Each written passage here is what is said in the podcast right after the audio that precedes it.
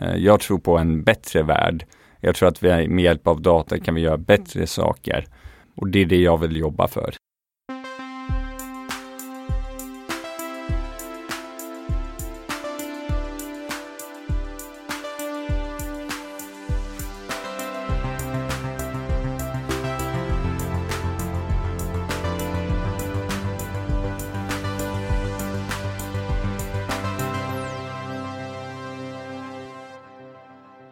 Jo men eh, välkommen till Heja Framtiden. Eh, podcasten som är din eh, livboj på förändringens hav. Här försöker vi lägga pusslet kring vad som väntar vid horisonten. Och ja, samla insikter kring hur vi ska tänka och förbereda oss för framtiden. Vad ska vi göra med Heja Framtiden då? Jo, hösten 2019 nu. Vi dunkar på med outtröttlig energi. Och eh, kör ett till två avsnitt i veckan. Och eh, har även lite föreläsningar inplanerade. Och tar gärna fler moderatorsuppdrag. Vilket är ju väldigt kul, tycker jag. Boken Heja Framtiden ligger och lurar i vassen. Får se om vi hittar något eh, förlag som nappar på den. Det du kan göra är väl att eh, prata om podden och tipsa om den. Och eh, gå in i din poddspelare och eh, ge betyg. Och då kan algoritmerna sprida budskapet till fler lyssnare. Så det är min ödmjuka önskan. Nu ska vi prata om apparnas planet med Arash Gilan. Heja framtiden!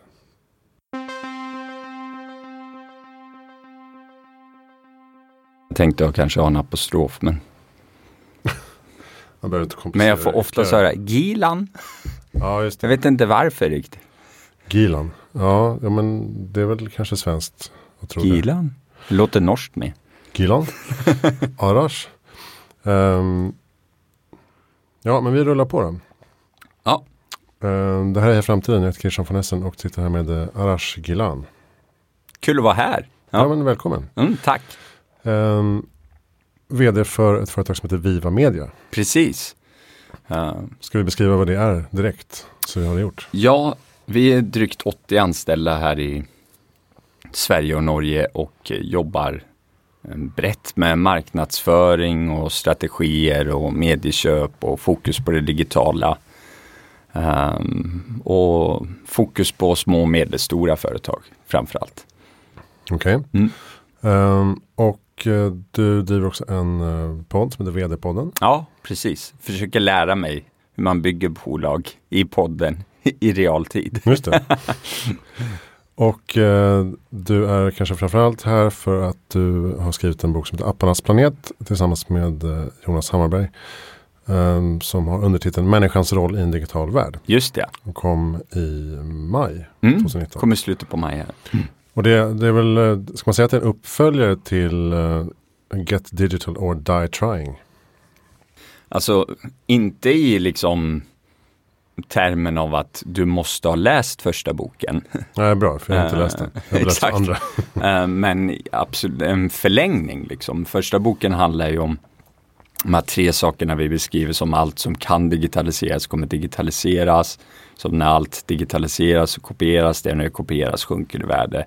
Och nu jobbar vi med fjärde tesen i där allt digitaliseras, söka värdet på det som inte kan digitaliseras. Då. Och där kommer vi tillbaks till människan. Exakt. Men eh, vi kan börja med, med din bakgrund. Då. Du, du kom, som jag förstår det, till Sverige som åttaåring ja, från Iran. precis. Och eh, då hamnade du i Hedemora. Hedemora. I Dalarna. Ja. Eh, Där landar vi i den svenska vintern. Hur var det? Nej men det var annorlunda. Ja. Det är ju, alltså det, du får gå tillbaks, till- det här är ju 93, det är en, det är en annan tid då. Det är liksom på det här sättet som allt det med migrationsdebatten och så, det fanns ju inte, upplevde jag i alla fall. Och, Uh, Hedemora, det är en liten stad i södra Dalarna, det var inte så många liksom invandrare så. Um, så det, nej, det var jättebra. Det var, eh, togs emot och fick den hjälp och stöd vi behövde och, och för liksom därigenom fått göra den resa vi har gjort i Sverige. Um, men det är ju så också, men politisk flykting från Iran, eh, folk som kommer från Iran är ju oftast, vi kommer ifrån ganska bra familjer och flytt mm. från liksom förtryck. uh, och i Sverige blev det ju nästan lite sämre. Lite ja, levnadsstandard liksom. Och det kan inte många kanske förstå. Men så var det. Men det var jag och ensamstående mamma och sen dess så har det ändå gått hyfsat bra. Mm. Tror ändå att det ligger någonting i, ehm, för det tycker jag många med invandrarbakgrund har en, någon slags extra driv eller revanschlusta eller eh, sådär behov av att liksom kämpa lite hårdare. Ja, men jag tror att det ligger något i det här med att föräldrar, liksom i mitt fall mamma som har gjort väldigt mycket, offrat väldigt mycket av sitt liv för att liksom komma loss, komma hit. Och då blir det ju medvetet eller undermedvetet för det barnet att liksom på något sätt ge tillbaka. Mm. Göra bra för sig. Lyckas liksom. Sen hur sunt det är kan vi ju förlämna till psykologerna. ja, precis. ja, precis. För du, jag hörde när du intervjuade din medförfattare Jonas Hammarberg i um, VD-podden just. Ja.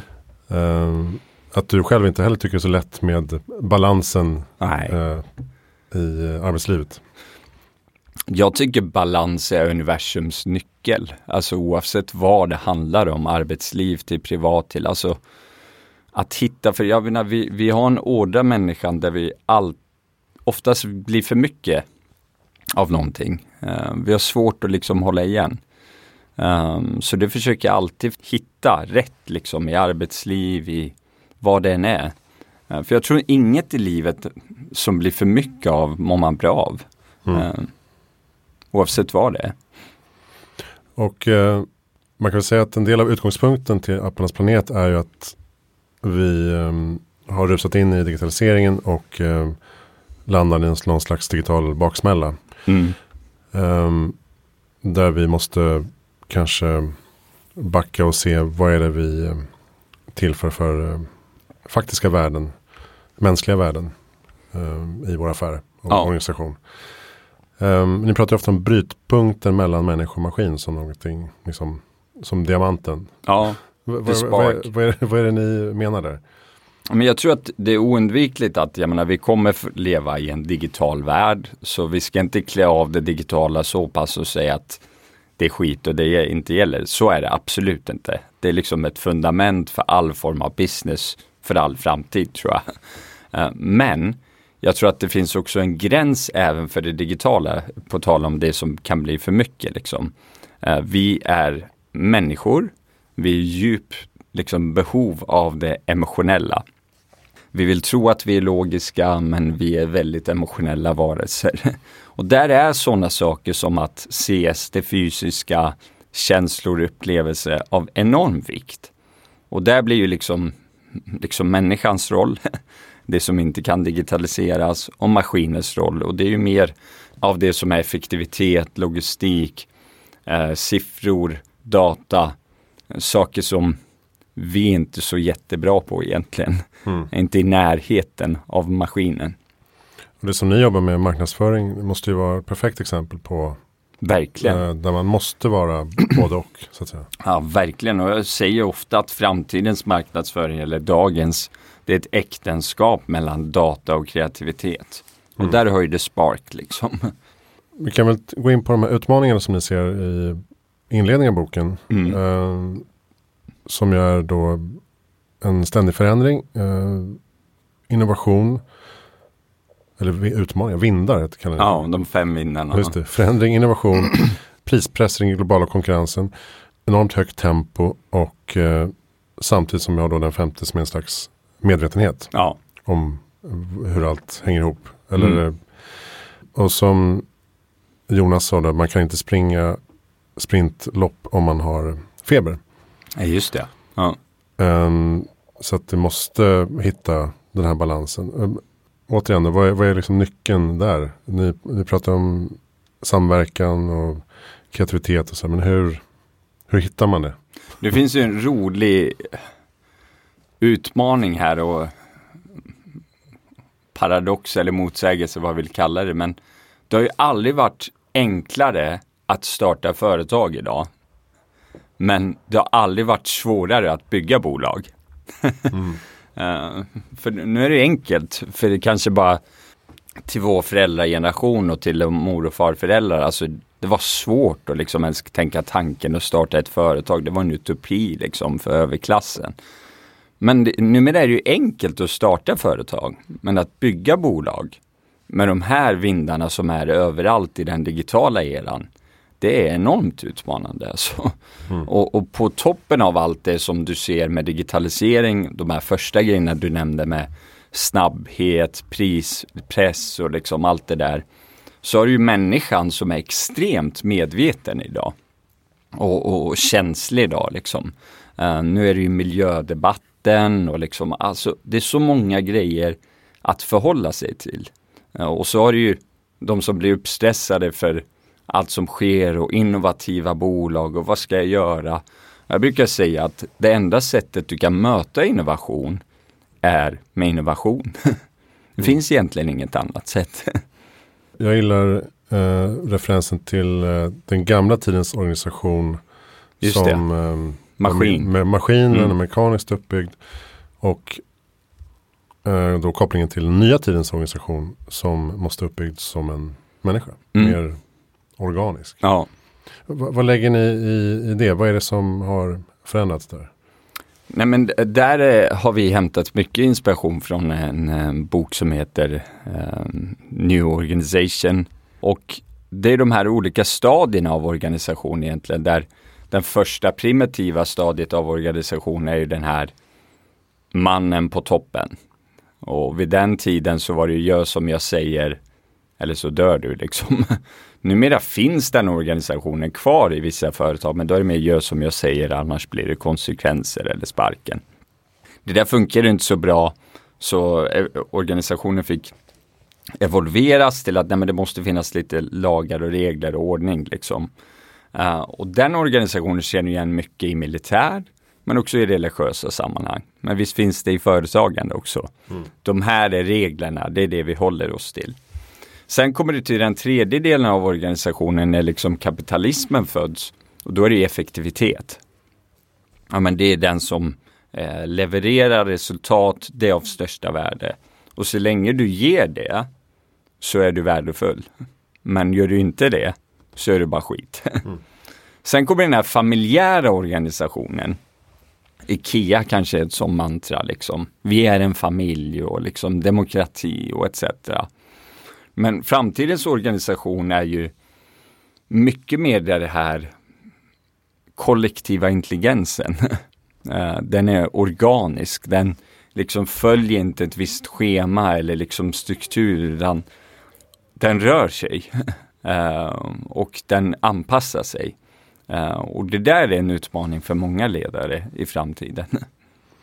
Och där tänker jag, där sitter du själv som vd för ett bolag med 80 personer. Mm hur lätt och svårt är det egentligen att, att praktisera detta?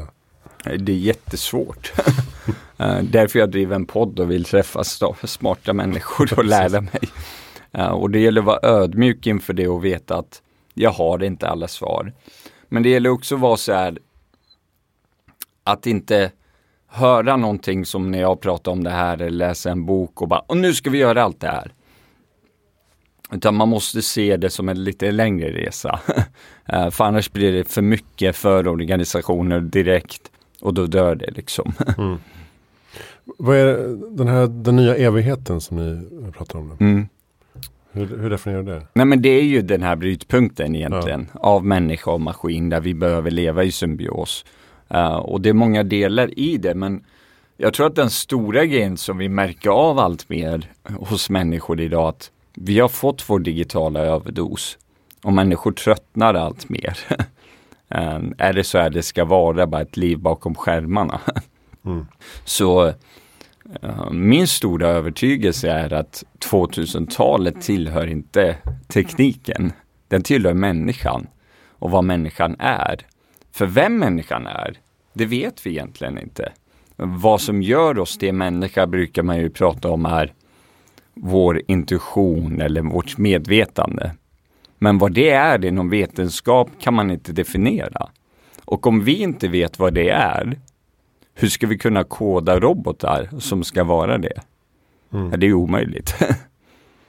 Så du tror inte på att uh, vi kommer liksom utplånas själva genom att skapa Nej, det tror jag inte. Jag tycker det finns alldeles för mycket domedagsscenarier kring framtiden som är porträtterade från Hollywoodfilmer. Eh, jag tror på en bättre värld. Jag tror att vi med hjälp av data kan vi göra bättre saker. Och det är det jag vill jobba för. mm. Men om man tänker på den här framtida organisationen då som vi är inne på. Vad är det för um, värden som man behöver försöka skapa för att liksom attrahera så bra talanger som möjligt och klara sig i, i den globala konkurrensen? Jag tror värden är just av den mänskliga karaktären. Mm. Där människor kan känna att det här är en plats som känns autentiskt uh, och där jag kan vara mig själv och kunna växa. Uh, jag tror att det gäller återigen att hitta balans med dimensionen av kultur och struktur. Kultur är inte lösningen på allting, men det är viktigt. Mm. Det har ju varit väldigt mycket kulturfokus liksom i några år nu. Men kulturen är ju känslan. Men känsla i sig räcker ju inte. Utan jag behöver ju strukturen också. Jag behöver ordning, jag behöver liksom ramar eh, för att veta. Eh, och den balansen är det som kommer vara det svåra alltid för ledare, att hitta balansen mellan kultur och struktur. Just nu är det en övervikt hos många organisationer, även min egen ofta känner jag att det blir mycket kultur. Men strukturen är lika viktig för oss människor att kunna veta vad som gäller. För vi är till syvende och sist väldigt rutinmänniskor mm. som vill veta vad som gäller. Ja precis, man får inte gå för långt åt det andra hållet. Nej, eh, exakt. Det blir flummigt och liksom, ja, vad är det här liksom? jag tror det, det är en teori jag hört om den senaste, de senaste årens stora utmattningssjukskrivningar. Uh, ja. Att det finns en avsaknad av eh, struktur och ja. tydlighet ja. i vad fan man ska göra på jobbet. ja exempel. men det är faktiskt så. Och jag tror på det att en del kör det här kulturspåret så hårt så att man vet inte ens vad som gäller och vart vi ska och varför. Och, mm. Nej men eh, det är upp till dig. Jaha, nej men så uh, Och det gäller att vara vaksam uh, över. Och där, där sa Christer Olsson tror jag i min podd så bra att Sätt er egen effektivitetsscore liksom. Hur starka är ni på kultur? 0 till 10. Hur starka är ni på struktur? 0 till 10. Och så adderar du dem gånger varandra. Och så får du din maxsiffra på 0 till 100. Mm. Det räcker inte bara om jag har en 9 i kultur och en 1 i struktur, ja men då har jag 9 av 100 liksom. Mm. Just det, vi har det jättehärligt på företaget men ingen får något gjort. Just det, och ni, ni pratar om det här med eh, livskraft, och utvecklingskraft. Utvecklingskraft. Ja. Som två, så att säga. En yin och yang. Yin liksom. och yang, vågskålar. Ja. ja. Vad, vad menar ni där då? Nej men människan behöver ju liksom livskraften liksom för att komma igång. Det är ju från det att vi föds ehm, till att wow, till att komma till en arbetsplats. Uh, vad är det som gör det liksom attraktivt då? Eh, men det räcker ju inte bara med det. Utan du behöver ju utvecklingskraften för att hela tiden återuppfinna dig själv. Och där mm. gäller organisationen i stort till att man måste vara relevant för en ny tid. För det är ju liksom hela grejen med darwinism. Vi har ju ett kapitel som heter digital darwinism. Eh, darwinism handlar ju inte om att liksom förändras. Darwinism handlar om att anpassa sig till en ny verklighet hela tiden. Liksom. Och så är det ju företagsvärlden också. Det är utvecklingskraften för företaget att anpassa sig. Men också för mig som medarbetare och kollega och ledare att hela tiden ha förmågan att utveckla mig själv och förbli relevant för en ny tid. Gör jag inte det, ja, då är det ju tack och hej. Mm.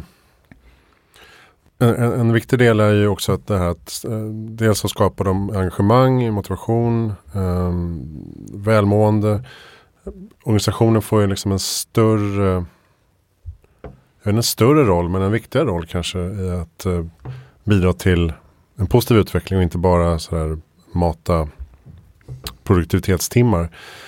Och så pratar man mycket om eh, att vi måste finna meningsfullhet och syfte i det vi gör också. Hur tänker du Mm. Jag tror jag att man går tillväga? Ja, Nej, men alltså, jag tror så här. det är lätt att säga Många att man ska ha ledare, Jag meningsfullhet. själv, jag gör det misstaget, försöker bli bättre. Eh, Men jag brukar säga att jag gör 99 saker fel och en sak rätt. Liksom. och så får man lära sig. Men det blir så lätt klyschigt i, som ledare. Och så säger man, här vill vi vara eh, icke-hierarkiska. Men det är ju bullshit. Eh, För du är ju vd och liksom Mm. du har dina titlar och sen är det faktiskt så att vi människor behöver hierarki för att veta. Annars blir det väldigt jobbigt för oss. Men eh, här har du full frihet att göra vad du vill och så görs något initiativ. Och så, nej men det där fick du inte göra. Alltså vi säger saker, kultur, men agerandet efter det som har sagts är inte i linje, strukturen då, med det som sades. Och vad händer då? Ja, det blir ju pannkaka. Människor slutar eller mår dåligt, de vet inte vad som gäller. Och så. Alltså, det är de här grejerna som får organisationen att inte vara effektiv. Då. Mm.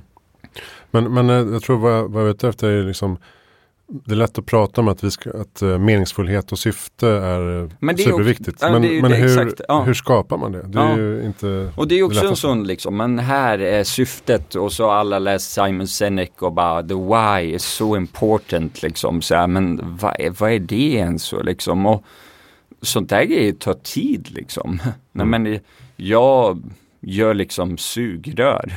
Nej men så här, va- varför Ja. är det viktigt? Det- Nej, men, För att ge glädje till barnen. Ja men, nej, men förstår du och så försöker man hitta på någon story kring det. Men istället för att du som ledare kanske eh, sitter och skissar allting, återigen kollektiva intelligensen. Men vad är vårt syfte här på jorden? Vad är det vi gör? Ditt syfte kanske inte behöver vara så svårare än att nej, men vi ger människor jobb. Vi ser till att det finns företagande här i liksom byn. Mm. Eh, ibland gör vi det så stort. Uh, nej, men vi alla ska förändra världen. Alla just förändrar världen på något sätt, men en del gör det makro och andra gör det mikro. Mm. Ja, så man får inte, man får inte eh, ha för höga krav på sig själv. Nej, och det, det är en så här grej jag har lärt mig mer och mer i ledarskapet att också kring framtiden, man är ju så ledare, man, man vill alltid mer, man, vill jo- man jobbar hårt, uh, något går fel och så dömer man sig själv ganska hårt. uh, sig själv oftast hårdast tycker jag faktiskt. Men att låta den här inre rösten som vi alla har vara snällare mot sig själv. Um, för att annars orkar man inte alltså.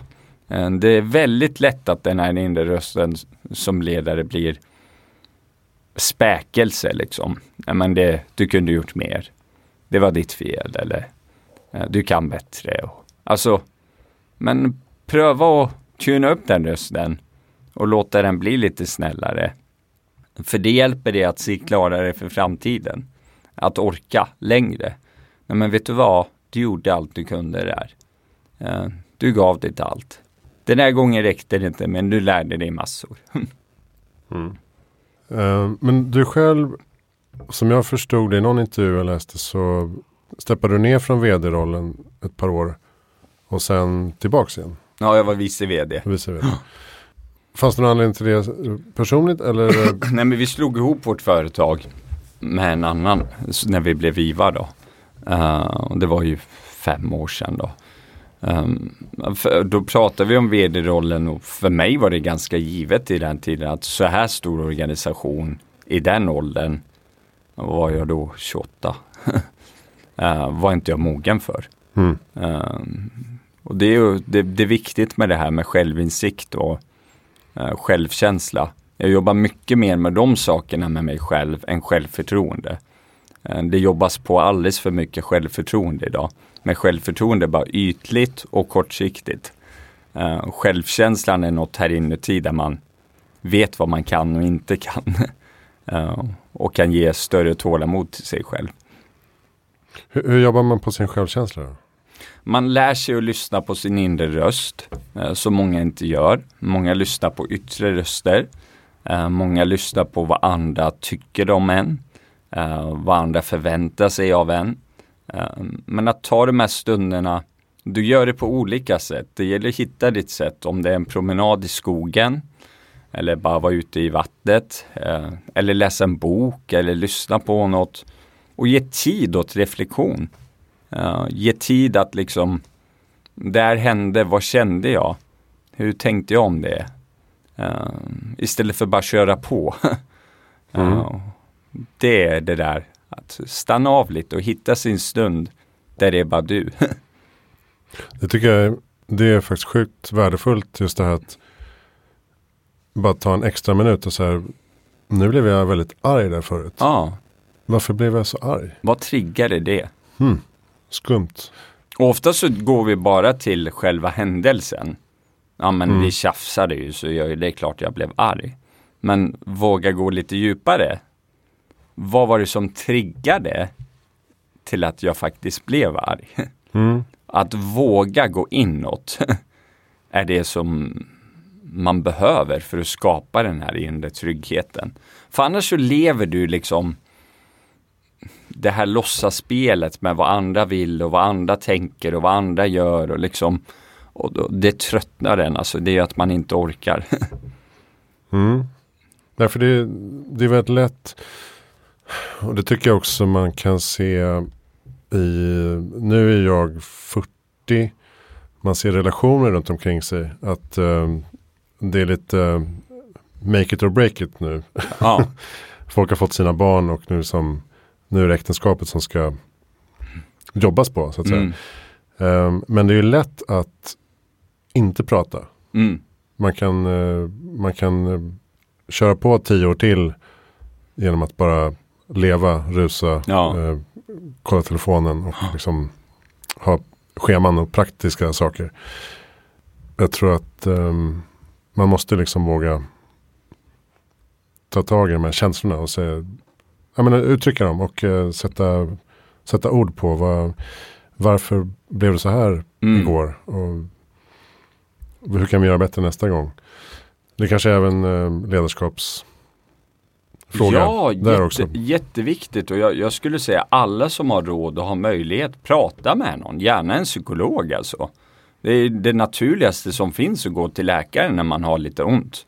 Men det är lite så här, oj, nej men psykolog, då måste man må jättedåligt. Nej, det är bara mental PT liksom. Som hjälper en att bli starkare. Och sen är det som du sa, vid 40 eller vad det än är så tittar man på andra, vad händer där? Och det är naturligt för vi är flockdjur. Vi vill göra som andra gör. Men så gör vi ofta saker för att det förväntas av mig eller det är så det ska vara. Istället för att jaga det jag vill göra. Jag tänker om mitt liv att när jag är gammal och hundra år hoppas jag bli och se barn och barnbarn och allt det där. Och så ligger jag där och ska somna in. Då, vill jag, då tänker jag alltid om mitt liv så här. Jag vill ha så få tänk om som möjligt. Mm. Att inte liksom, tänk om jag gjorde det, tänk om, nej men jag gjorde det och det blev inte så bra. Men jag lärde mig och jag vet. och liksom sådär. Eh, och sen sa någon klok människa till mig när jag var yngre och liksom blev ledare att Arash, spelar du dumma spel så vinner du dumma priser. och jag tyckte det var väldigt bra sagt. Uh, jag, jag, tänker inte spela de här dumma spelen. jag tänker leva mitt liv och utforska det så gott det går. ja, och då kan man ju bara vara äkta så att säga. Ja, det är som Bob Dylan sa, var dig själv. Vem det nu än är. Mm. Lite så. Om vi ska framtidsspana lite grann då. Vad tror du, nu har vi pratat om framtidsorganisation mm. ledarskap och sådär. Vilka typer av um, jobb och yrken tror du kommer växa fram framöver? Jag tror det kommer behövas väldigt många psykologer. ja. Eh, de här grejerna som är svårt för digitalisering att gå in i. Allt det som jag pratar om det här med intuition och medvetande och kreativitet och grenar ur det är väldigt bra yrken. Eh, så uppmuntra de förmågorna hos dina barn. um, så, men sen allt det som rör maskinen till, som blir data, logistik, köra på, maskinlära dygnet runt. Ja, det är liksom kanske svårt att hålla på med. Um, så jag, jag liksom yrken i de här områdena, sen kan vi rada upp liksom flera. Uh, det är väldigt, väldigt bra. uh, I värdet som inte kan digitaliseras. Mm, just det. Det är ju att vissa gamla skolämnen får lite renässans då. Um, när man tänker så här filosofi, psykologi, ja. etik, ja, sådana saker. Jag kan även tänka så här, när jag var liten så tänkte jag, men, slöjd, vem fan bryr sig? Varför ska jag mm. hålla på med slöjd? Mm. Och idag känner jag så här, ja. Hur bra som helst. Ja. Mm. Konst. Speciellt om man kan mm. koppla det till um, koppla det till teknik också. Att skapa saker, mm. bygga saker. Men eh, och folk har liksom kring framtiden en väldigt så här allt det robotar kan göra betyder inte att vi människor vill ha det. En robot kan göra en fantastisk tavla som är mer perfekt än vad en människa kan göra. Men sätter du den tavlan bredvid en Picasso som en annan skulle tycka är ful, vad är mest värdefullt?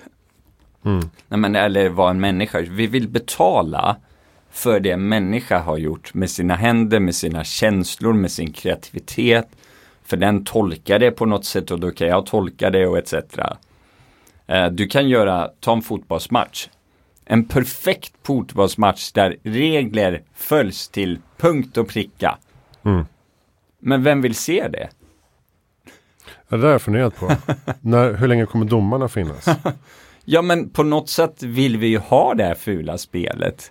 Eh, skitsnacket och nypningarna och liksom mm. alltså det är en del av det emotionella spelet. Och att det är en subjektiv domare som Exakt. är på dåligt humör ja. och ger extra många kort. För människan söker inte, alltså vill inte ha det perfekta.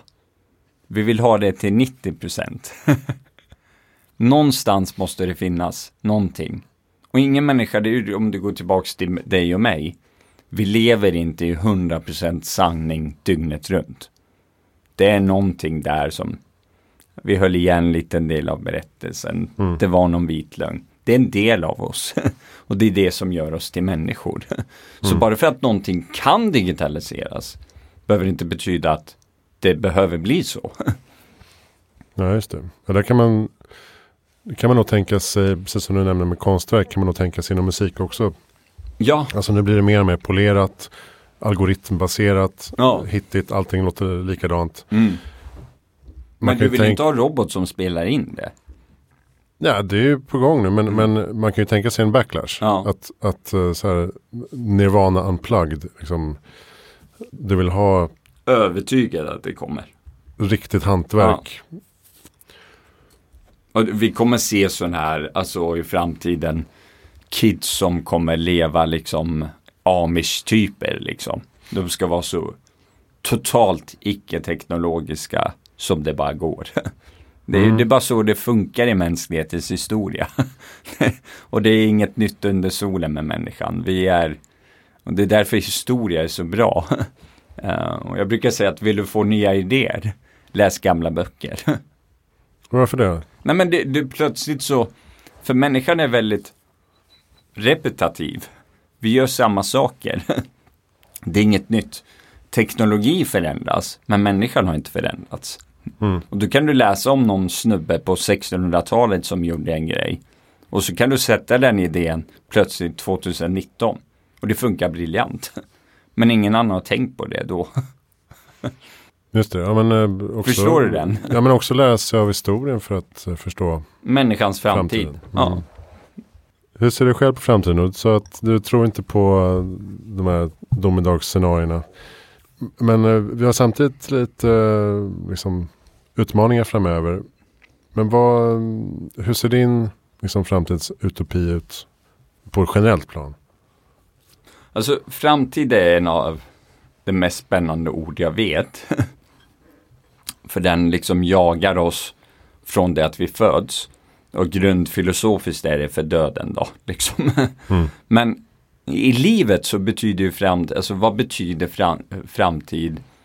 Framtid betyder ju egentligen förändring. Och då, jag gillar ju att gå djupare då. Och vad betyder förändring egentligen? Eller vad är förändring? Och då är det ju kulturella förändringar går ju ganska snabbt. Teknologiska förändringar går ju också snabbt. Men biologiska förändringar, det går ju så otroligt sakta så det inte är klokt liksom. Och sen hur mäter vi förändring då? Tid. Och vad är tid liksom? Eh, för en annan, eh, någon är det ju liksom ett år säger man. Men för en annan är det att jag har snurrat ett varv runt solen.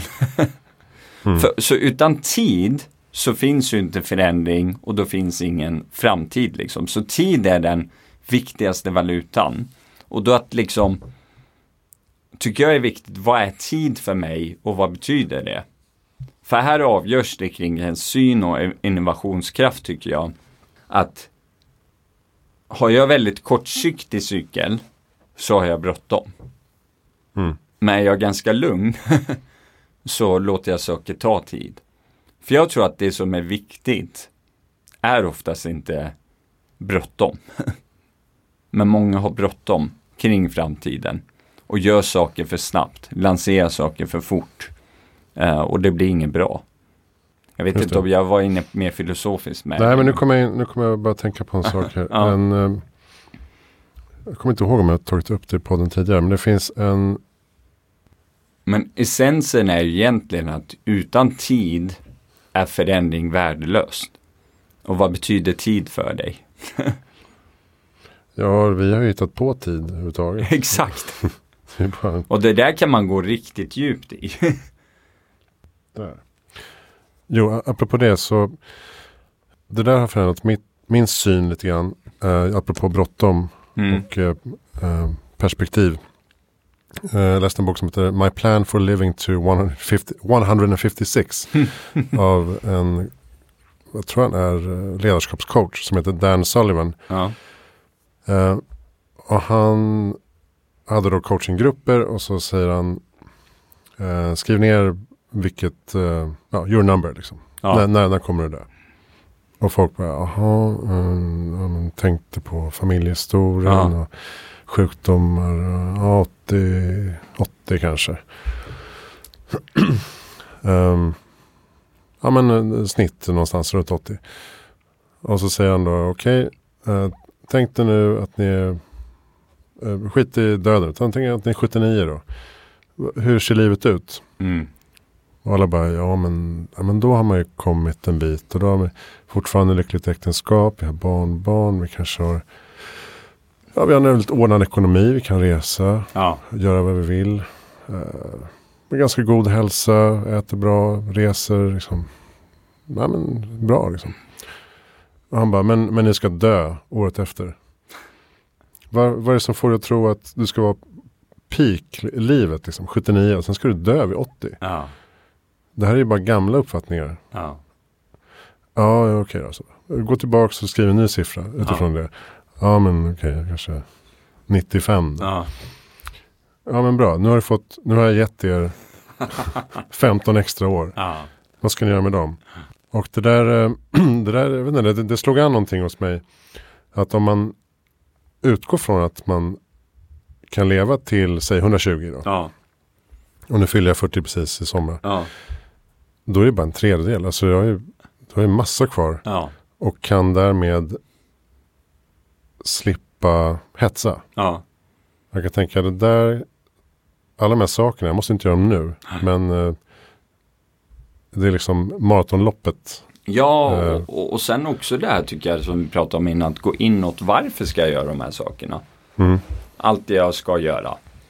Jag, jag satte mycket mer mål förut faktiskt i livet. Och jag sätter mycket mindre mål nu. Alla pratar så mycket om mål. Mm. och det är för att jag har lärt mig en iakttagelse, den fortfarande en primitiv tanke, men att mål begränsar mig också. Som den här personen som sa 80-79 som du sa, men också som att när jag så fast övertygad om att det här är det jag ska ha, så missar jag skönheten i så mycket annat. Mm. Och liksom, nej men det är den här stigen jag ska gå. Jag kommer fram till målet. Men jag har lärt mig mer att de här sidovägarna är mycket roligare. Uh, man ser nya saker då. Istället för den här motorvägen jag alltid kör på samma sätt varje dag. varje gång. Mm. Förstår du hur jag tänker? Ja, sen är frågan hur känns det när man uppnår målet? Ja. Och vad händer dagen efter? ja men då vill Alltså, vi ha ett nytt mål. Ja. Och människan är ju så här också att och det är det här, jag menar, vill du förstå framtiden, studera människan och historien. Mm. Um, vi vill ju alltid ha det vi inte har. Varför är det så? Varför ska det behöva vara så? Uh, varför kan vi inte liksom, och det är, ett ord jag hatade som ung men lärt mig uppskatta mycket mer nu. Det är förnöjsamhet. Mm. Men det här är bra. jag behöver inte mer. jag måste inte ha bara för att jag kan. Och det är en skön så här vila i det också. Mm. Det är någonting vi borde lära oss mer av. Ja, men då måste du jobba mer med självkänsla än självförtroende. För Mm. självförtroende vill alltid ha mer. Den vill alltid skryta. Den vill alltid vara bäst. Någon slags good enough. eh, Exakt. Ja, och i vissa aspekter så räcker det liksom. Och det är en sån där klyscha man hörde som liten men som jag har lärt mig mer och mer att det är sant att det är liksom inte målet men resan som är faktiskt det roliga. Mm. och det som är spännande.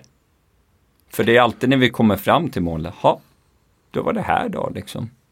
Ja, och det där märker man väl även om man säger att du eh, om man säger att du i bakhuvudet hela tiden tänker exit Ja, i ditt bolag som du bygger upp och sen så köttar du tio år och eh, säljer det för 300 miljoner. mm, Då har du gjort din exit mm. och framme vid målet. Men där tror jag det finns en enorm tomhet. ja och Det så ska du bygga ju- ett nytt bolag plötsligt igen. Ja. Alltså så här, alltså Fast du behöver inte för var Nej. 300 miljoner. Exakt. Eh, Men ingen vill sitta där i sitt rum med en massa pengar. Eh, För det funkar i en bra cartoon. Men i verkligheten är det väldigt tomt. Fast rummet är fullt av pengar.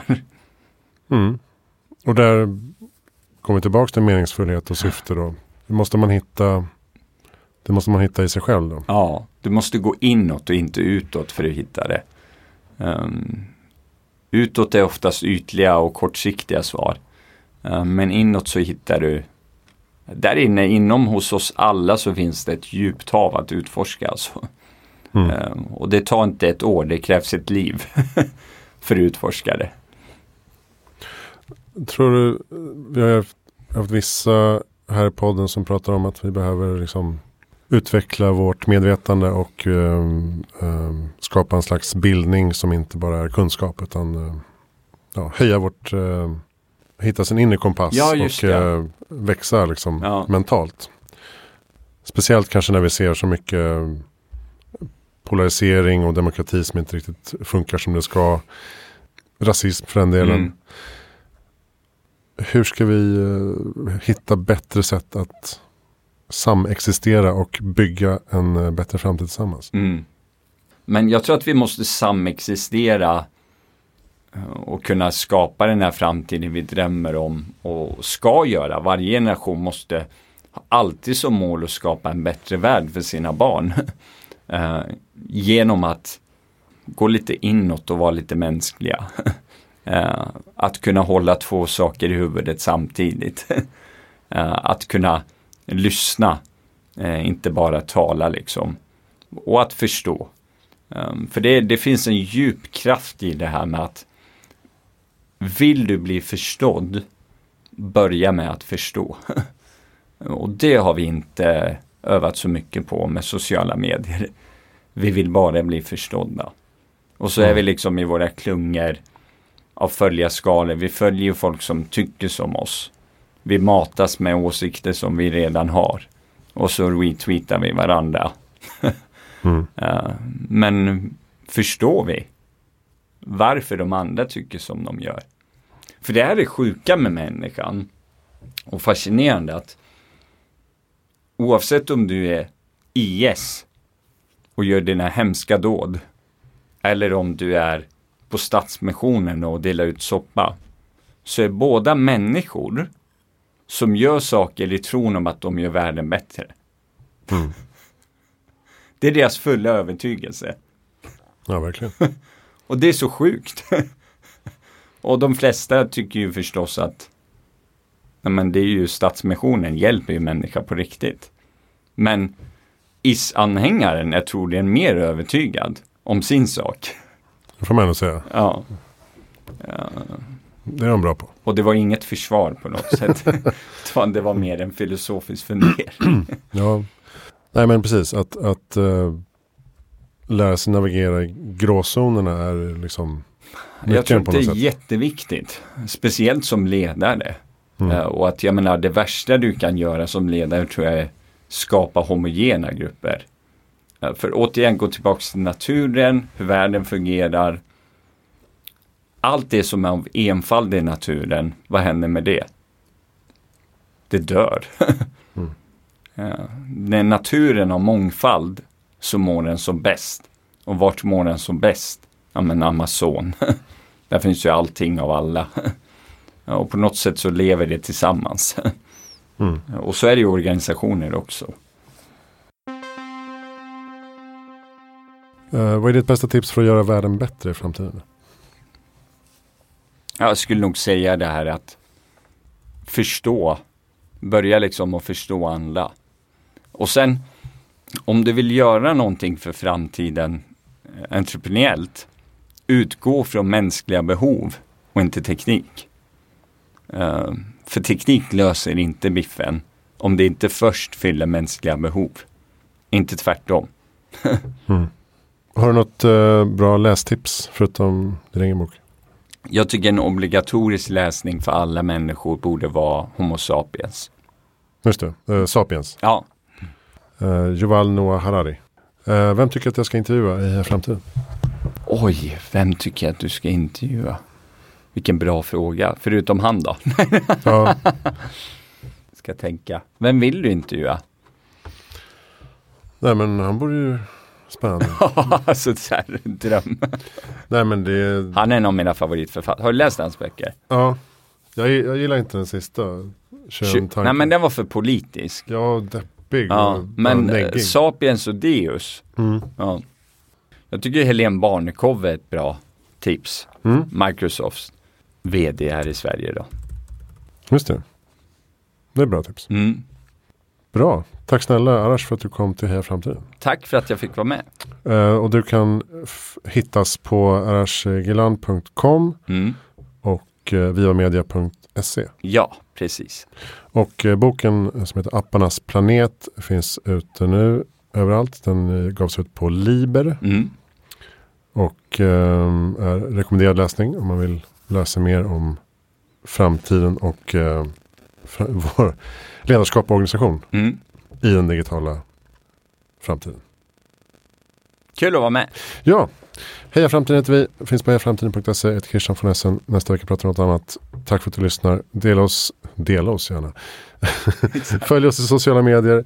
Dela avsnittet och ge en recension om du gillar det du hör. Så att eh, algoritmerna kan eh, pumpa vidare det här innehållet till rätt öron. Tack för att du lyssnar.